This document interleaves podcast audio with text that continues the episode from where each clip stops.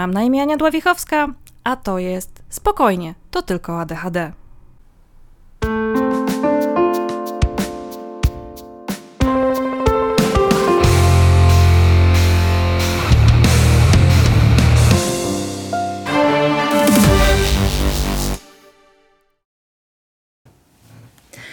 Odcinek dziesiąty. ADHD i sukces zawodowy. Bo ja nadal uważam, że ADHD to nie jest przekleństwo i jeśli mam instrukcję obsługi, to łatwiej będzie znaleźć swój sposób na sukces.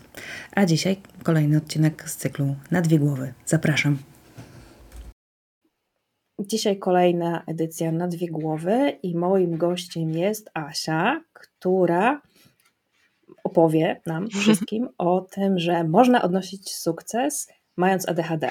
Czyli mój ulubiony fragment yy, i najbardziej zaniedbany we wszystkich historiach ADHDowych. Asiu, oddaję Ci głos. Powiedz Cześć. nam coś o sobie.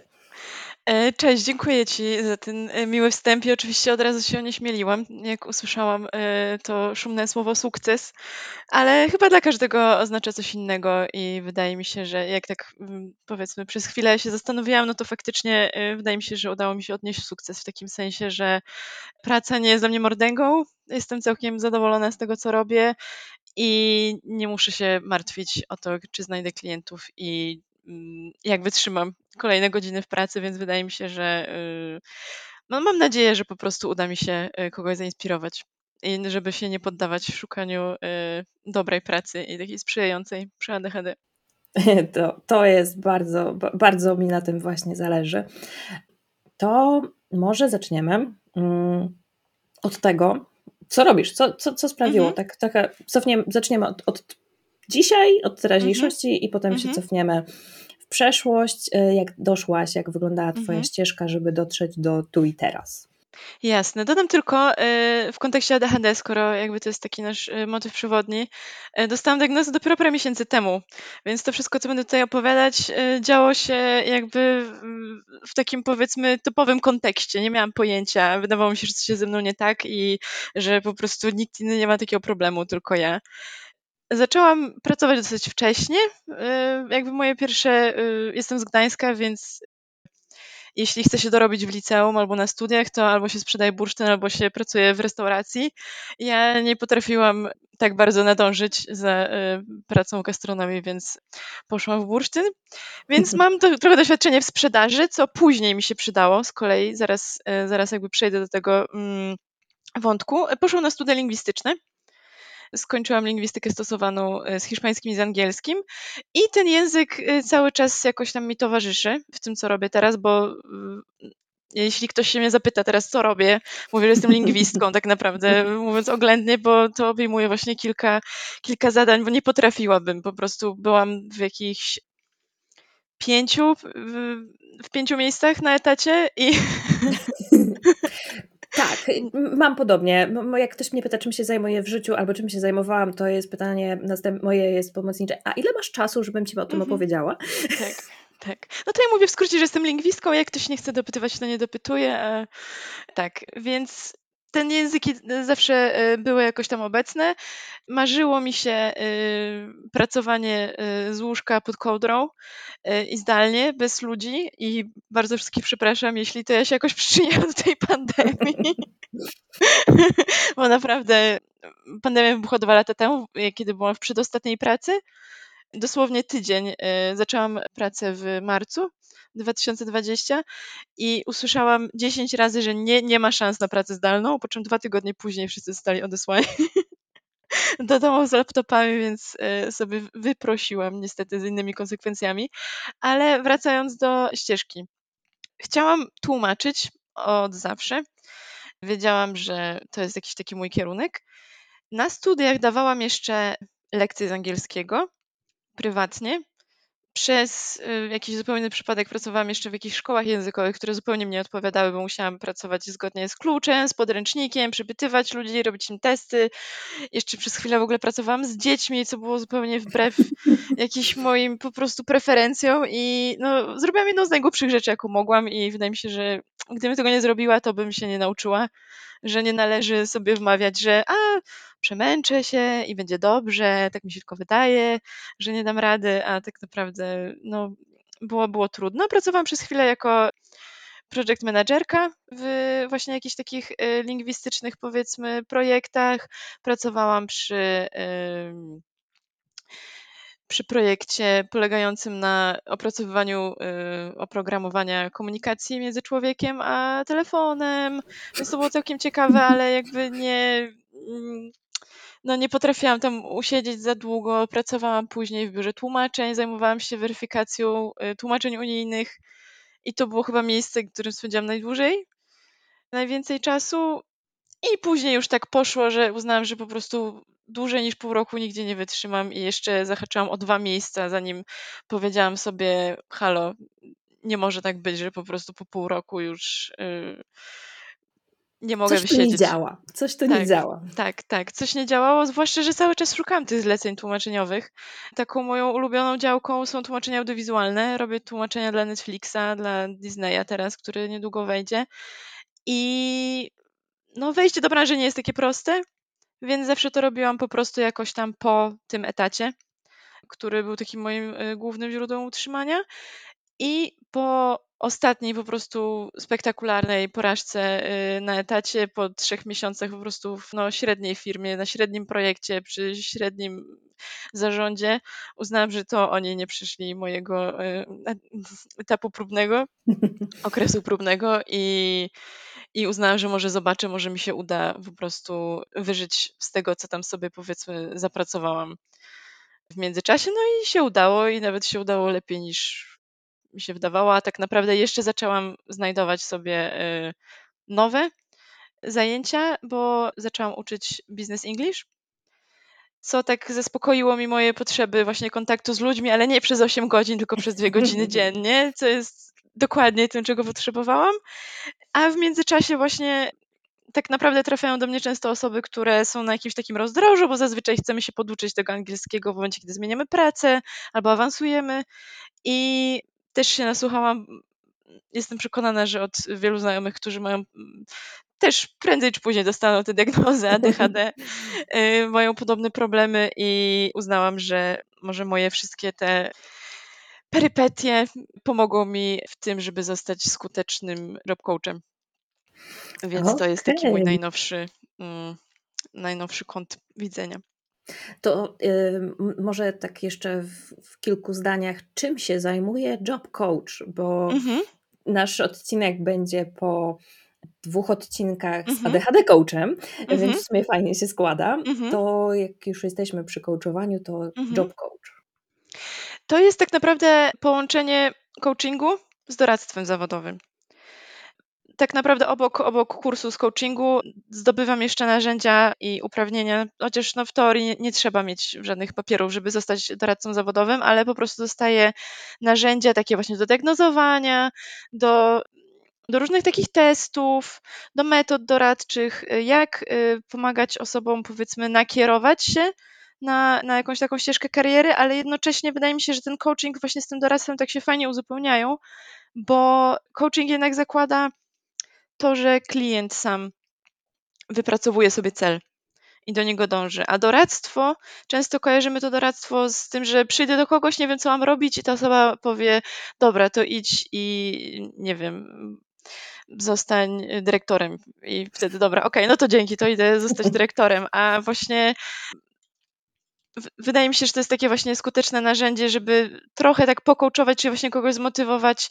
i podrążyć temat motywacji, wartości, które tam nam przyświecają, potrzeb, które są spełnione albo niespełnione, a jednocześnie też tak troszeczkę powiedzmy pokierować jest ten element taki doradczy, więc tak jak typowy coach nie powinien niczego doradzać, nie powinien y, dawać rad, nie powinien niczego sugerować, no to jakby tutaj jest to powiedzmy w jakimś tam stopniu Czyli, czyli tak bardziej mentoringowo. Mhm. E... Tak, tak, mogę, tak, tak. mogę to zrozumieć. Na mojej liście Mhm. następnego, następnym zawodem jest właśnie coaching, ale Mhm. też właśnie z taką mentorską, Mhm, mhm. mentorskim aspektem. Czyli generalnie jesteś doskonałą osobą na doskonałym miejscu, w doskonałym środowisku. Bo nie wiem jak ty, ale ja mam wrażenie, że bardzo dużo osób, z, czy z diagnozą, czy z podejrzeniem ADHD, Mhm. właśnie miota się, że w sumie to bym robił, to, tamto, a w sumie to nie wiem, co chcę robić. Mhm. E, A poza tym to jeszcze mi się do wszystkiego, wszystkiego mam problem, żeby się za cokolwiek zabrać i, i Mhm. znaleźć pracę. E, No to myślę, że czekacie tutaj masa klientów. Znaczy, tak naprawdę z tym szukaniem nowych rzeczy, no to jest to. Jest to faktycznie skomplikowane, bo ja mam nadzieję, że jakoś tam uda mi się po prostu też pomóc osobom, żeby nie przechodziły tej samej ścieżki, tej samej gehenny co ja. Po prostu przy, bo naprawdę spędziłam sporo czasu y, pracując i na etat i jakby rozwijając się y, właśnie tak poza etatem, żeby móc faktycznie teraz założyć tą działalność. I o ile mogę pokazać, że faktycznie parę lat, no na pewno rok, dwa takiej wytężonej pracy, y, na pewno więcej niż te 8 godzin dziennie pomaga w tym, żeby właśnie stworzyć sobie to takie środowisko, o którym mówisz, to właśnie idealne środowisko, które polega na tym, że mogę robić trochę tego, trochę tego i przede wszystkim też to, że pracuję w godzinach, które y, mi odpowiadają, bo to też nie jest wcale takie oczywiste to też wydaje mi się, że w procesie tego coachingu może wyjść, że jednak y, chciałabym to, chciałabym tamto, ale może nie na tyle, żeby faktycznie wkładać to aż tyle wolnego czasu. Więc Mhm. wydaje mi się, że też chciałabym trochę odczarować ten taki, no powiedzmy, pojawiający się y, ostatnio w sieci bardzo często y, takie pojęcie kult zapierdolu po O prostu Jezu, tego, że tak, trzeba, tak, tak. trzeba po prostu robić i że to w ogóle trzeba podziękować pracodawcy za to, że w ogóle nam dał pracę i że nam pozwala w ogóle dla niego robić. Więc jakby, no ja akurat byłam bardzo zdeterminowana tych tłumaczeń, ale wydaje mi się, że fakt, że interesuje nas wiele rzeczy, wcale nie oznacza, że musimy kończyć studia podyplomowe z tego wszystkiego i musimy na tym wszystkim zarabiać. Więc jakby też chciałabym trochę ten mit trochę i ten kierunek odczarować. Nie E, ukrywam. Czy, czyli e, wbrew popularnemu podejściu, Mhm. jeżeli coś, coś jest Twoją pasją, to nigdy nie będzie dla Ciebie pracą, bo zawsze będzie to Cię pasjonować. Ja na przykład mam, mam problem Mhm. z tym podejściem ogromny, bo jeżeli coś mnie zaczyna pasjonować i zaczynam przerabiać to na swój zawód, Mhm. to bardzo szybko się wypalam. Mhm. A wbrew pozorom najdłużej i, i naj, najstabilniej rozwijam się w sferze, która może nie jest najbardziej ekscytująca, Mhm. ale je, jest na tyle ciekawa i wciągająca, że mogę temu Mhm. poświęcić no, już w sumie naście lat życia i, i Mhm. pracy zawodowej. Mhm. To z mojej perspektywy jest takie, takie moje, moje własne odkrycie, Mhm. że może to nie jest fafa rafa najfajniejsze, ale z drugiej strony, no jak mam robić kilka czy kilkanaście godzin dziennie te rzeczy, które są wow, Tak. to natychmiast się zjaram i, i potem muszę przez Tak. dwa tygodnie dochodzić do siebie. tak, dokładnie, dokładnie. Jakby ten w ogóle y, też a propos hiperfokusa w pracy. Tylko dodam, że ja popełniałam ten wielki błąd, bo y, w momencie, kiedy właśnie zaczęłam pracować nad swoją działalnością i robić te rzeczy, które zawsze chciałam, to zaczęłam nagle liczyć swoją produktywność w oparciu o tego hiperfokusa, co jest w ogóle absolutnie niemiarodajne i po prostu prowadzi do fatalnych skutków. Ale też y, a propos job coachingu i a propos tego, co powiedziałaś, właśnie z tym rozwijaniem się w kierunkach albo w FIFA albo w czymś, co nie jest jakieś takie super ekscytujące, to też jakby zadaję, bo już mam klientów y, i ostatnio właśnie zapytałam klientki, jak sobie wyobrażę swoje życie w pracy bez tego, powiedzmy, wielkiego celu, bez tego y, mm, powołania, bez tego y, po prostu, nie wiem, prestiżu przy mówieniu swojego stanowiska, albo, znaczy już teraz przesadzam oczywiście, ale jakby chodzi mi o to, że wmówiło się nam w pewnym sensie, że ta praca właśnie powinna być takim, no, no jakimś takim uzupełnieniem, że powinna spełniać, wydaje mi się, potrzeby, których spełnić y, nie powinna, a jeśli je spełnia, to nie na długo i jest to niebezpieczne. Czyli um, jeśli dobrze rozumiem, Mhm. um, praca niekoniecznie według Ciebie musi Tak. być tym, co definiuje nasze życie Tak, y, i kształt, jakby mm, to określa nas na jakimś takim wyższym poziomie e, samospełnienia. Oczywiście ja na przykład jestem osobą, która musi się spełniać jakoś w mhm. pracy, ale mhm. Robię to na przykład przez to, jakie firmy wybieram, a niekoniecznie mhm. jaki zawód. Tak. No bo taki, taki balans, czyli jedna jak mhm. zawsze z najtrudniejszych rzeczy przy ADHD, mhm, znaleźć, mhm, znaleźć tą równowagę. Tak, tak. Dokładnie. Właśnie, bo wydaje mi się, że to jest y, źródłem frustracji u wielu osób, że to nie jest tak, że y, jakby, bo wynikiem job coachingu wcale nie musi być y, jakby na, na końcu procesu powinna być po prostu zmiana podejścia, a nie, niekoniecznie zmiana pracy. Oczywiście może dojść do tej zmiany pracy, ale wcale jakby to nie jest mój cel. Wydaje mi się, że efektem, jakby mm, źródłem frustracji wielu osób właśnie tego, że im się nie podoba w tej pracy jest, są właśnie takie nadmierne wymagania dotyczące właśnie takiego określenia się, celu, a tak naprawdę mm, kiedy tak się zastanowimy, a czy takie coś ci się w ogóle wydaje możliwe? Czy widzisz siebie faktycznie, nie wiem, pracującego 10 lat po to, żeby pracować w ONZ albo cokolwiek w tym stylu, czy to faktycznie jesteś w stanie poświęcić taką dużą część życia, bo ja na przykład nie jestem. Dla mnie praca jest bardzo ważna, ale tak sobie powoli zdaję sprawę właśnie, że te czasy, kiedy pracowałam powiedzmy więcej niż 10 godzin dziennie, no to już mam nadzieję minęły.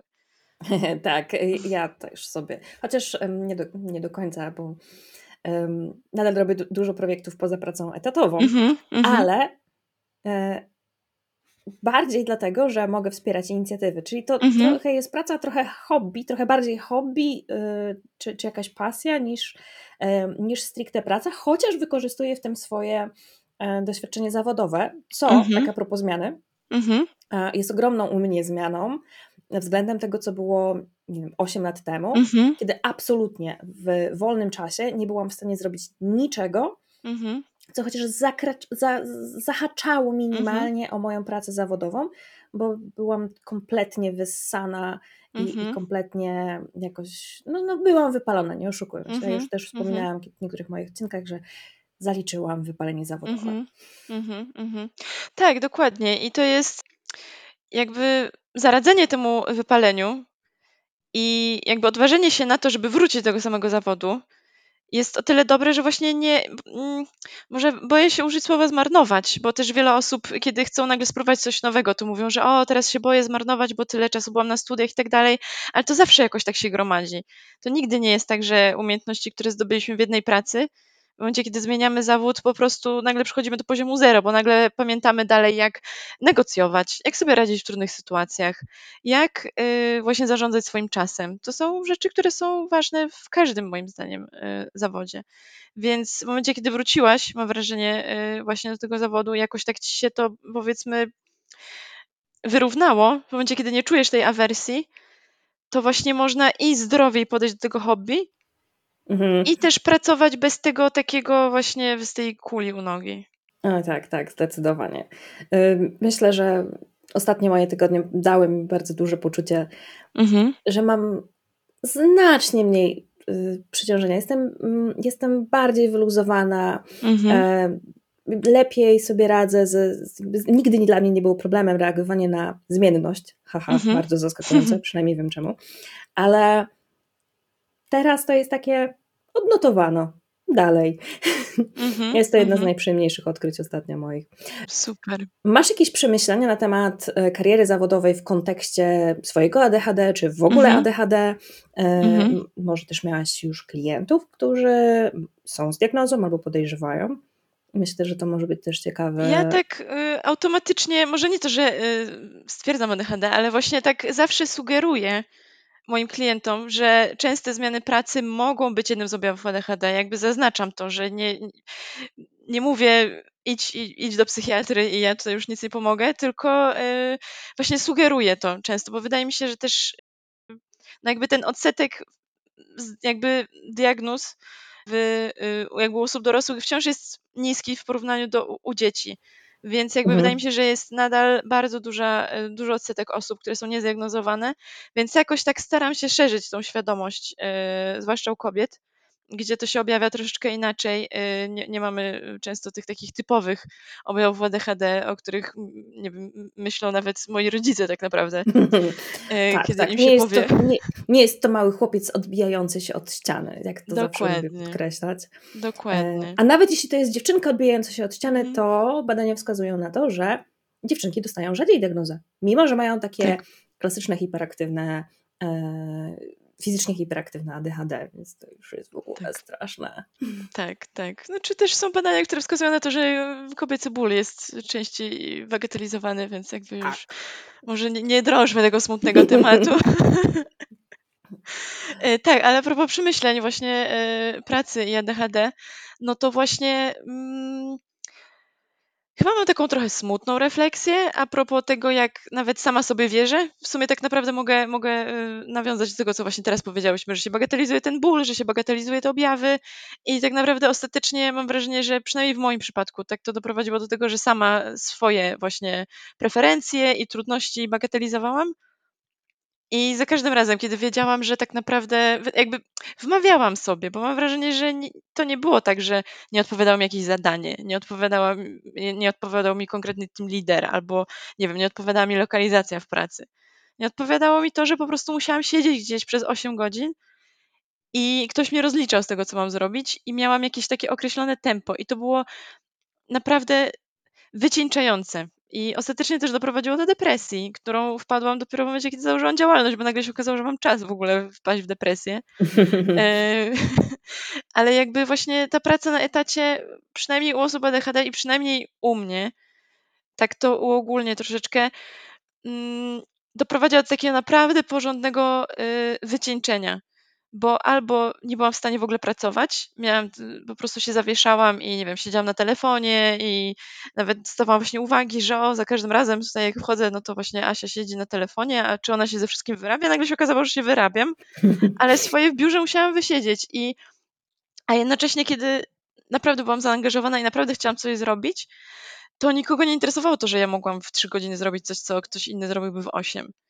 Och, tak, znam to. I to jest no i po prostu, jeśli albo sobie znajdowałam coś, co mnie tak bardzo nie pasjonowało, co było powiedzmy nudne i mm, albo w ogóle nie dawało takiego pola do popisu, żeby powiedzmy jakoś tam, gdzieś tam wyskoczyć przed szereg, albo zrobić więcej, albo zrobić lepiej, no to albo się męczyłam, albo kiedy miałam powiedzmy y, szersze możliwości rozwoju, no to się po prostu właśnie spalałam, że te, jakby ten hiperfokus yy, przez powiedzmy też ciśnienie, właśnie takie yy, no nie wiem, jakby z góry powiedzmy, które u normalnych osób by powodowało, że okej, okay, że to zepnął się trochę bardziej, to przy ADHD po prostu to wywołało taką presję, że właśnie pracowałam na takich zwiększonych obradach po prostu non-stop.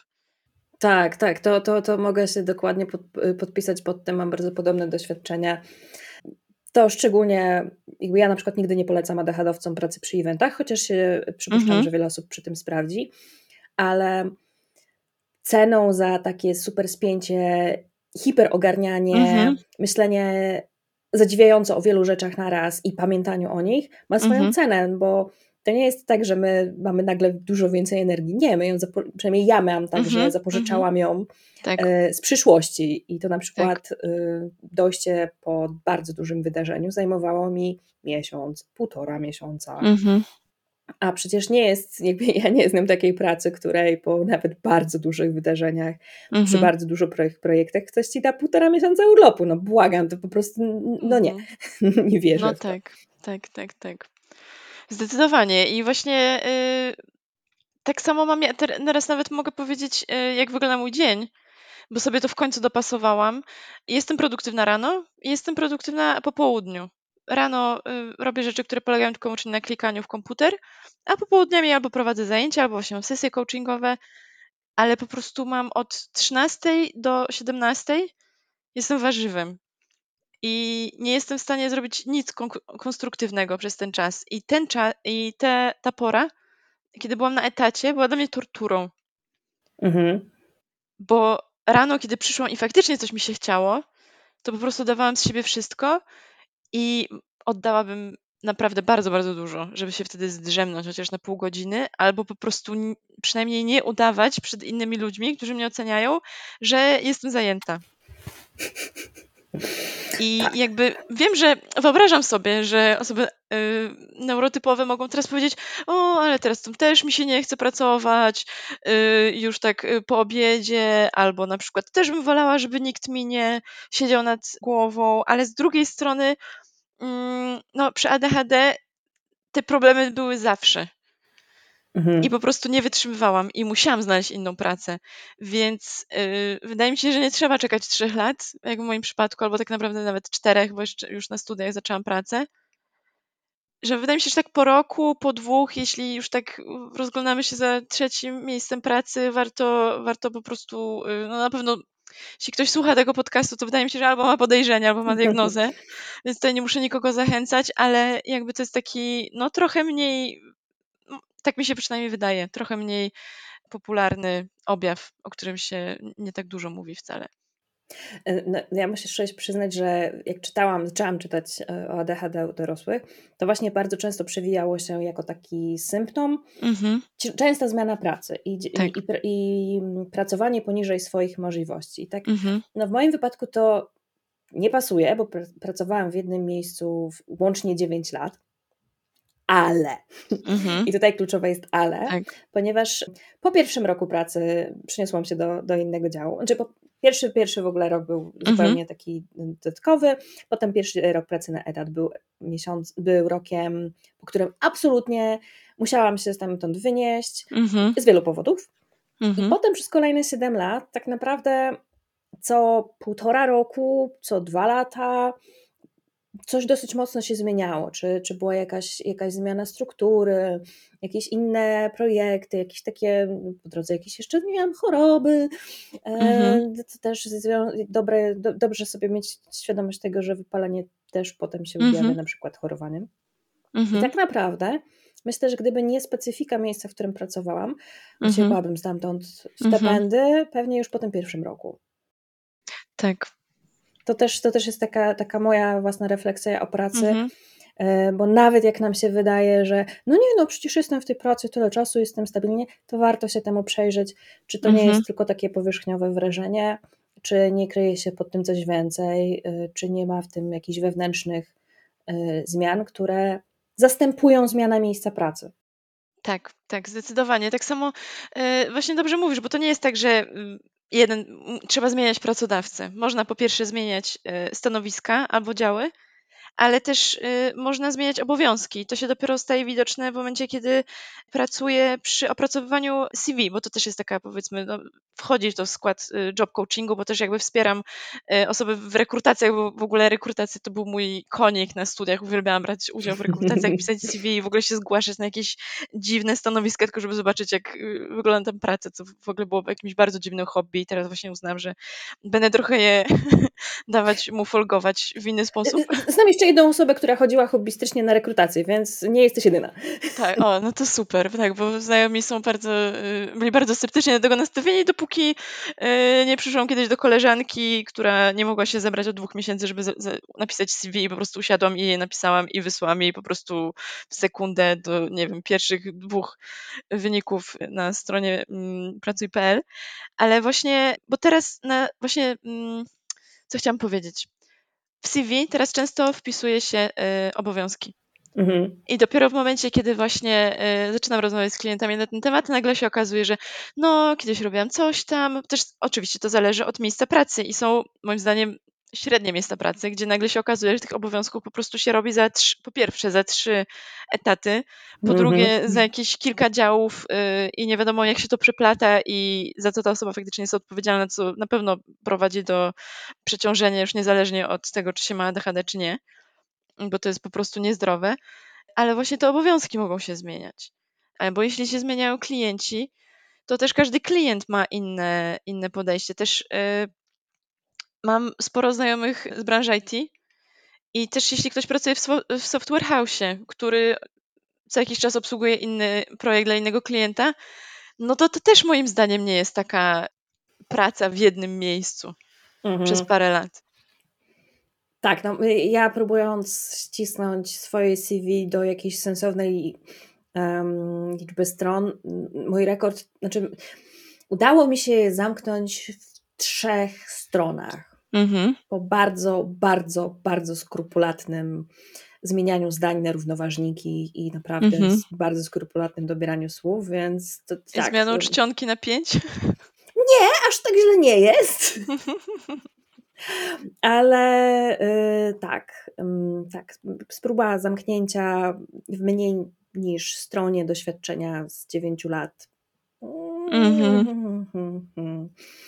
Tak. Domyślam się. Tak powiem a propos, żeby właśnie może też się podzielić może wskazówkami dla osób, które wcale tak, nie, tak, nie, tak, nie muszą ze mną e, następne. pracować. Tak, ale właśnie w CV też zawsze się skupiam na tym, żeby yy, yy, wpisać tylko i wyłącznie to doświadczenie, które jest jakoś yy, związane z danym ogłoszeniem, na które startujemy. Mhm. Więc ja też bym się nie zmieściła. Mieszczę się powiedzmy w, w job coachingu i w tłumaczeniach, ale właśnie dlatego, że albo się skupiam na tym, albo na tym, albo też tak naprawdę na uczaniu. Też mam powiedzmy trzy CV i każde powiedzmy jakoś tam dopasowane do, mm, do tego profilu, na który ewentualnie mogłabym aplikować, albo które mogłabym pokazać potencjalnemu klientowi. Ale wydaje mi się, że nigdy nie jest tak, że przy konkretnej branży do konkretnego ogłoszenia nie dobralibyśmy, y, jakby nie dałoby się wyrzucić informacji, które jakoś tam y, nie są powiedzmy już albo się powtarzają, albo po prostu nie zainteresowałyby y, rekrutera, powiedzmy, no nie, po tych dwóch stronach. Bo też pamiętajmy, że y, jeśli ktoś przegląda twoje CV, no to jest to osoba, która trochę ma tych y, dokumentów do przejrzenia. Oj, tak, tak. Miałam okazję rekrutować kilka razy w swoim życiu. Mhm. Tak. Myślę, że ze wszystkich, a myślę, że około tysiąca CV przejrzałam w swoim życiu. Mhm. Do dnia dzisiejszego wrażenie mam na temat tylko i wyłącznie jednego, mhm. bo było bardzo wyjątkowe i też osoba potem potwierdziła swoją, mhm. swoją mhm. wyjątkowość bardzo szeroko, więc e, ciężko jest zostać w pamięci rekrutera, oj ciężko. Tak, nawet jeśli mówimy o takiej pamięci na jeden dzień albo tam na parę godzin tak naprawdę, ale właśnie jakby to też wiem po prostu, że to jest powtarzający się problem, że ktoś ma kilka powiedzmy bardzo dużo miejsc pracy z różnych branż i nie wiadomo jak to po prostu sklecić. Po mhm. pierwsze, nie trzeba wszystkiego wrzucać. Nie trzeba pisać, że tutaj od 13 marca do 15 grudnia pracowałam tylko rok 2020. Proszę mhm. bardzo. Więc wtedy ewentualne jakieś takie skoki można troszeczkę przykryć, ale też właśnie nie, nie, nie zamęczać rekrutera właśnie tą drobiazgową listą. Jeśli ktoś pracował w więcej niż 4-5 miejscach, no to nie sądzę, żeby to interesowało rekrutera. I też może pokazać jakby y, nas w lepszym świetle, bo nie wyglądamy jakbyśmy skakali. Tak, i to jest zdecydowanie, tu podkreślamy to, że często zmieniacie pracę, drodzy ADHDowcy, nie oznacza, że musicie ze wszystkiego się wyspowiadać, więc tak. nie musicie się aż tak bardzo tym przejmować, tak. jeśli aplikujecie. E, tak. Ja staram się zawsze jednak znajdować pozytywne strony w moim ADHD mhm. i to się naprawdę udaje, więc jest na to, jest na to opcja. To żebyśmy się trzymali mniej więcej długości odcinków y, mhm. gościnnych, to jeszcze mam tylko jedno pytanie na koniec. A jeśli będziesz miała ochotę wrócić do nas w charakterze gościa, doradcy, job coacha, czy po prostu podzielania się jeszcze swoim doświadczeniem y, życia z ADHD, to coś, co jest dla wielu osób, dla mnie również, problematyczne w pracy y, freelancerskiej czy prowadzeniu własnej firmy, mhm. to jak to ogarnąć? Bo wiedziałaś już o jednym, że pracujesz w dwóch blokach w ciągu dnia, czyli mhm. wiesz, kiedy jesteś produktywna, mhm. ale co, co jeszcze pozwala ci prowadzić swoją działalność? Powiem ci tak, powiem, yy, podejdę do tego trochę od drugiej strony, bo moim zdaniem wcale tego nie ogarniam jakoś super, a wcale po prostu siebie nie próbuję y, jakby przypasować do jakiejś takiej wyimaginowanej mm, wizji tego, jak powinno być, żeby było ogarnięte. Bo tak naprawdę w wielu firmach mi się pracowało źle, z tego też względu, że nie było tej struktury. Wiem, że z jednej strony na to narzekam, no ale to też jest jakby powiedzmy jedna z tych ADHD, tak? Że potrzebujemy tej struktury, ale z drugiej strony. Ale nie za y, dużo. Tak, dokładnie. Więc y, w wielu miejscach, gdzie pracowałam, właśnie była ta struktura tam, gdzie nie musiało jej być, a gdzie y, powinna być, no to jakby właśnie przy tych obowiązkach albo przy odpowiedzialności było jej za dużo. I naprawdę nie czuję potrzeby, żeby zarządzać swoją działalnością lepiej niż przeciętne osoby, które widziałam y, jakby w biurach. Moi team liderzy byli, y, nawet, y, no nie wiem, zarządy firm. Naprawdę fakt, że przewinęłam się przez tyle miejsc i widziałam tyle osób mówiących, Boże, i co teraz będzie? I jak my to teraz zrobimy? Przecież tak wszystko mogło się wydarzyć, tylko nie to. I jakoś i da, dalej się życie toczy. Nie wiem, czy ty też masz takie podejście, ale jakby yy, może nawet nie podejście, co obserwacje. Że widziałam tyle fakapów w pracach, w, no właśnie na etacie. Tyle osób coś schrzaniło, tyle osób wysłało nie tego maila, tyle osób się spóźniło przez jakiś nieprzekraczalny deadline. Tyle osób po prostu musiało o czymś pamiętać i oczywiście zapomniało. A potem się dało jednak z tego tak. wybrnąć i, i dało się zrobić to, co jest najważniejsze, tak. to, co było faktycznym celem. Okej, zawsze można coś zrobić lepiej. Tak, tu się z Tobą zgadzam. Moje doświadczenie też, też to potwierdza, że e, słyszysz, że nie, w ogóle tragedia, albo mhm. nie wiem, zwolnią mnie za to, po czym się okazuje, że da się to jakoś tak. naprawić. Jeśli, jeśli wiemy, co było głównym celem do mhm. osiągnięcia, tak. No to działa. To, to jest rzecz, którą zdecydowanie wyniosłam z eventów. Każdy event można zrobić lepiej. Ale Każdy event można zrobić lepiej, ale też właśnie jakby nie chciała, bo też no, są takie skłonności do perfekcjonizmu e, tak, zdecydowanie. Tak, tak. I właśnie ja bym bardziej z tym walczyła. Nie, nie z tak. tym e, nieogarnięciem, mhm. tylko z tym, że ja sobie mówię, że o, ja powinnam e, zrobić, żeby było tak, tak, tak i tak. A to tak ciąży, tak, to strasznie podcina skrzydła. A czasem wystarczy właśnie spojrzeć na to z perspektywy odbiorcy tego, co robimy. Jeśli on jest zadowolony, tak. to znaczy, że się udało. Tak. Jeżeli, jeżeli e, znowu się odnoszę do tych eventów, bo to jest takie mm -hmm, najłatwiejsze. Mm -hmm. Jeżeli klient, jeżeli uczestnik nie zauważył fakapów, mm -hmm. to nie trzeba się tym aż tak bardzo przejmować. Okej, okay, pewnie warto mieć to w pamięci na przyszłość, żeby może sobie mhm. niekoniecznie podnosić ciśnienie po raz kolejny, ale to znaczy, że się udało.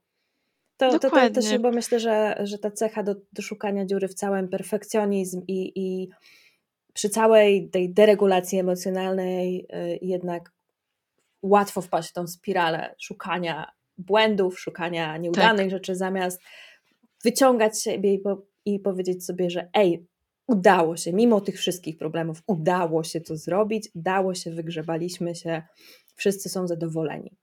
Dokładnie. Wydaje mi się, że tak jak, y, tak może tak właśnie trochę podsumowując, to co ja daję samej sobie właśnie jako szefowej, no to jest bycie tą osobą, która przyjdzie i po prostu cię poklepie po plecach i mówi, dobra, no trudno, ewentualnie możesz napisać maila do klienta, że przepraszam najmocniej. Mm, właśnie no, na działalności też się nauczyłam mówić, no, że mam problemy zdrowotne, mogę y, za jakiś czas z tym wrócić, albo nie wiem, proszę przekazać to komuś innemu, jakby, że najmocniej przepraszam. I to nigdy w życiu nikt mi nie odpisał, że o nie, no jak ty w ogóle śmiesz się pochorować. A sami sobie takie rzeczy fundujemy. Mm, to prawda. Więc tak. tak jak wszyscy mówią, ojejku, właśnie to musisz być taka bardzo zorganizowana. Nie jestem. I to nie ma w tym nic złego. Więc to jest taki mój, powiedzmy, moje podejście do coachingu, że praca nie musi być ale, ani wcale jakimś takim wielkim spełnieniem marzeń, ani nie musi da, dodawać nam skrzydeł, ani też nie musimy być super zorganizowani i robić wszystkiego zgodnie z naszymi oczekiwaniami. I ta presja, przynajmniej tych dwóch rzeczy, zdjęcie sobie tego naprawdę daje nam oddech i daje nam luz i miejsce na to, żeby robić jakieś fajniejsze rzeczy, albo przynajmniej, żeby było nam przyjemniej. Lepiej, e, żeby było zrobione, niż żeby było doskonałe. Dokładnie. Bo doskonale tak nie będzie. Oczywiście. Okej, okay, to myślę, że to jest dobry moment na zakończenie. Bardzo pięknie Ci dziękuję. Mam nadzieję, że jeszcze się usłyszymy.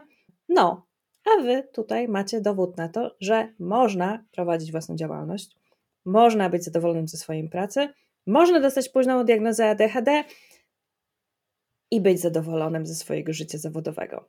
Asiu, pięknie Ci dziękuję. Dziękuję bardzo za zaproszenie. Za udział. Do usłyszenia. Do usłyszenia. Dzięki.